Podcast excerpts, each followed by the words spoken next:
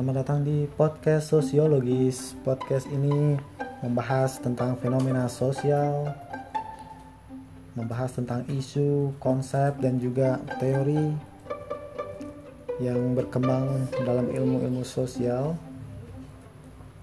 Dan pada kesempatan kali ini, saya akan memberi sedikit uraian dan opini mengenai salah satu istilah yang sedang hype belakangan ini yaitu tentang big data. Banyak orang membicarakan tentang big data. Sebenarnya apa itu big data? Pertama perlu digarisbawahi big data ini adalah data. Jadi bukan suatu hal yang lain seperti misalnya metode atau analisis dan sebagainya big data ini adalah data namun dalam jumlah yang sangat banyak large yang sangat besar gitu ya sehingga disebut big. Dan data ini adalah data digital. Jadi data yang terakumulasi lewat fenomena perkembangan platform digital. Jadi sering kali ketika orang membicarakan big data memang ada beberapa dataset gitu ya yang, tersedia tapi penekanannya di sini adalah big data ini data yang tersimpan dalam storage digital jadi ketika kita membicarakan tentang big data sulit memisahkan antara perkembangan teknologi digital dengan fenomena kemunculan big data. Nah, dari mana data yang sangat luar biasa besar ini muncul? Coba kita berpikir tentang aktivitas kita di sosial media. Apa yang kita lakukan dengan sosial media yang yang berbagai macam jenisnya itu. Seperti Facebook, Twitter, Instagram, termasuk juga WhatsApp, line dan sebagainya. Apa yang kita lakukan? Tentu saja kita posting kita sharing kemudian kita melakukan banyak sekali aktivitas seperti berkomentar subscribe viewing kemudian retweet dan sebagainya. Dan segala macam aktivitas baik dengan memproduksi konten untuk diposting atau aktivitas behavior lainnya seperti like, subscribe dan sebagainya. Dengan itu kita berkontribusi menyumbangkan data yang kemudian tersimpan di online storage yang storage-nya itu dimiliki oleh social media company jadi data yang jumlahnya sedemikian banyak itu diproduksi oleh netizen, oleh user yang secara intens dia terlibat dalam percakapan atau sosialisasi atau postingan-postingan informasi, pertukaran ide ataupun sekedar curhat di platform digital. Dan akumulasi data ini terus bertambah, trennya terus naik sangat signifikan sehingga keberadaan data yang disimpan dalam storage digital ini terus bertumbuh. Big data adalah data yang tersedia yang begitu banyak ini. Lalu orang membicarakan tentang bagaimana kita bisa mengeksploitasi data yang sedemikian besar ini untuk kepentingan-kepentingan yang berbagai macam dari politik, komersil, akademik, atau kepentingan-kepentingan lainnya. Dalam istilah big data ada yang disebut sebagai data mining di mana kita menambang seperti kalau di era sebelumnya kita mengenal kita menambang emas gitu di dalam perut bumi maka data mining kita menambang data di dalam storage menggunakan platform atau tools yang didesain untuk data mining. Dan data yang sudah diekstrak ini yang biasanya tak terstruktur gitu ya, tapi saking banyaknya kita mining kemudian kita olah kita buat menjadi data yang terstruktur yang siap diolah. Jadi sebelum diolah data yang sangat tak terstruktur ini kita kita buat menjadi struktur, menjadi terstruktur agar siap diolah.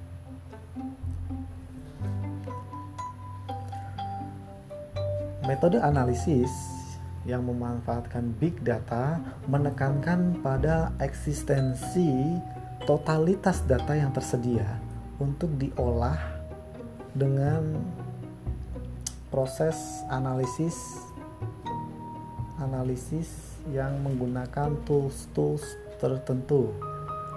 Jadi karena jumlahnya begitu besar sangat sulit kita melakukan analisis big data ini dengan metode manual sehingga banyak sekali tools-tools bermunculan untuk mulai dari mining, import sampai dengan filter, mengolah dan memvisualisasikan bahkan bagaimana data bentuk data yang yang, yang diolah, ya, data yang diteliti.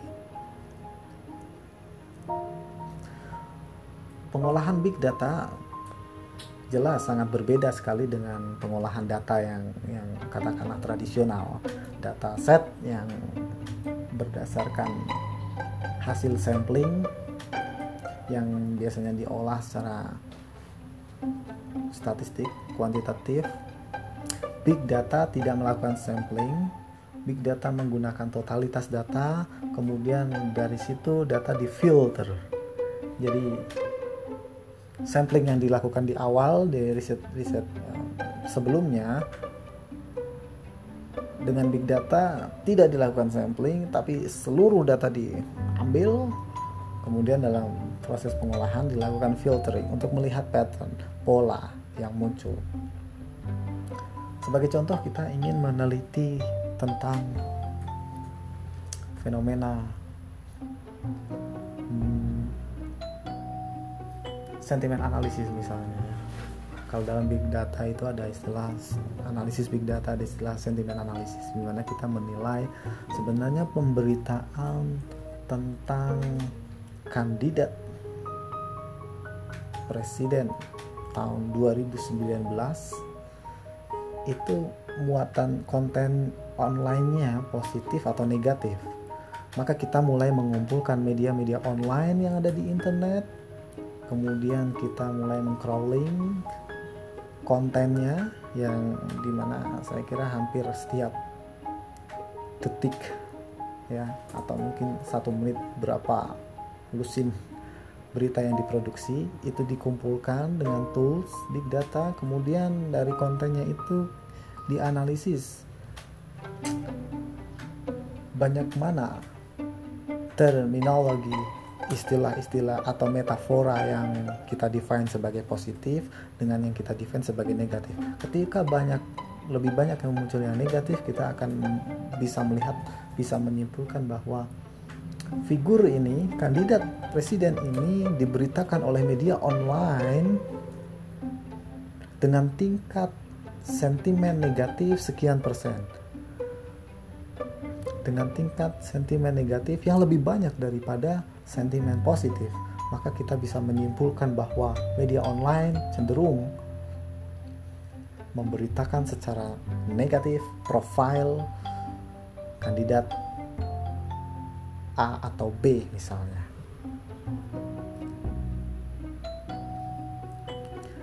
Itu adalah salah satu cara bagaimana kita mengeksploitasi big data yang sudah tersedia ini yang kita manfaatkan untuk keperluan yang kepentingannya bisa bermacam-macam. Namun ada juga pandangan yang mencoba mengkritisi fenomena perkembangan big data ketika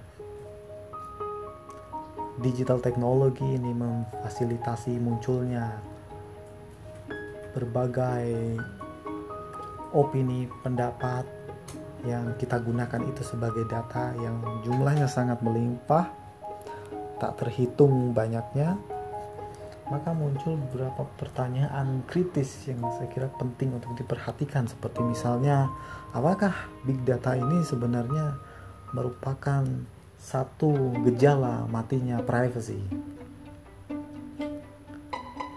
Apakah demokrasi kita akan terancam karena hanya ada sekelompok company atau aktor yang dia memiliki sebagian besar dari data kita sehingga bebas mengeksploitasinya. Kita sebut saja misalnya perusahaan seperti Google dan Facebook yang dia punya storage sebut saja berapa berapa sih orang yang mencari berita tentang Donald Trump, Google punya.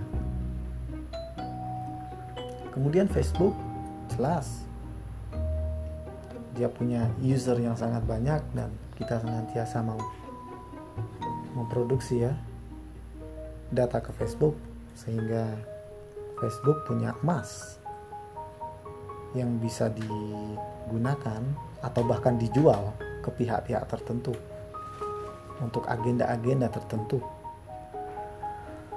Ketika ada, hanya ada segelintir company, segelintir aktor yang dia menguasai sebegitu banyak pengetahuan, sebegitu banyak data yang tersedia, maka ada ketidakmerataan di situ. Dan secara skeptis kita bisa melihat bahwa company yang berorientasi profit seperti Google dan Facebook tentu tidak akan membiarkan begitu saja resource data yang di, yang mereka miliki. Dan tren kemunculan company yang yang mengeksploitasi data yang mendasarkan resource-nya pada pengolahan data ini memberi kita suatu gambaran bahwa di era kini, di era digital sekarang ini produk yang berupa barang-barang atau things seperti mobil, motor atau produk manufaktur lainnya telah terganti oleh produk-produk yang berupa konten digital. Konten ini menjadi emas baru yang sangat potensial untuk diekstrak, diolah, dimanfaatkan, dan dijual atau dimonetize. Yang sebenarnya konten ini sendiri adalah big data. Jadi di era digital ini konten adalah produk itu sendiri. Ketika kita bicara tentang big data, sebenarnya siapa sih aktor yang yang menjadi katakanlah pionir pemanfaatan big data ini? Tidak lain tidak bukan adalah Google itu sendiri. Jadi fitur Google dengan search engine-nya, dengan platform bloggingnya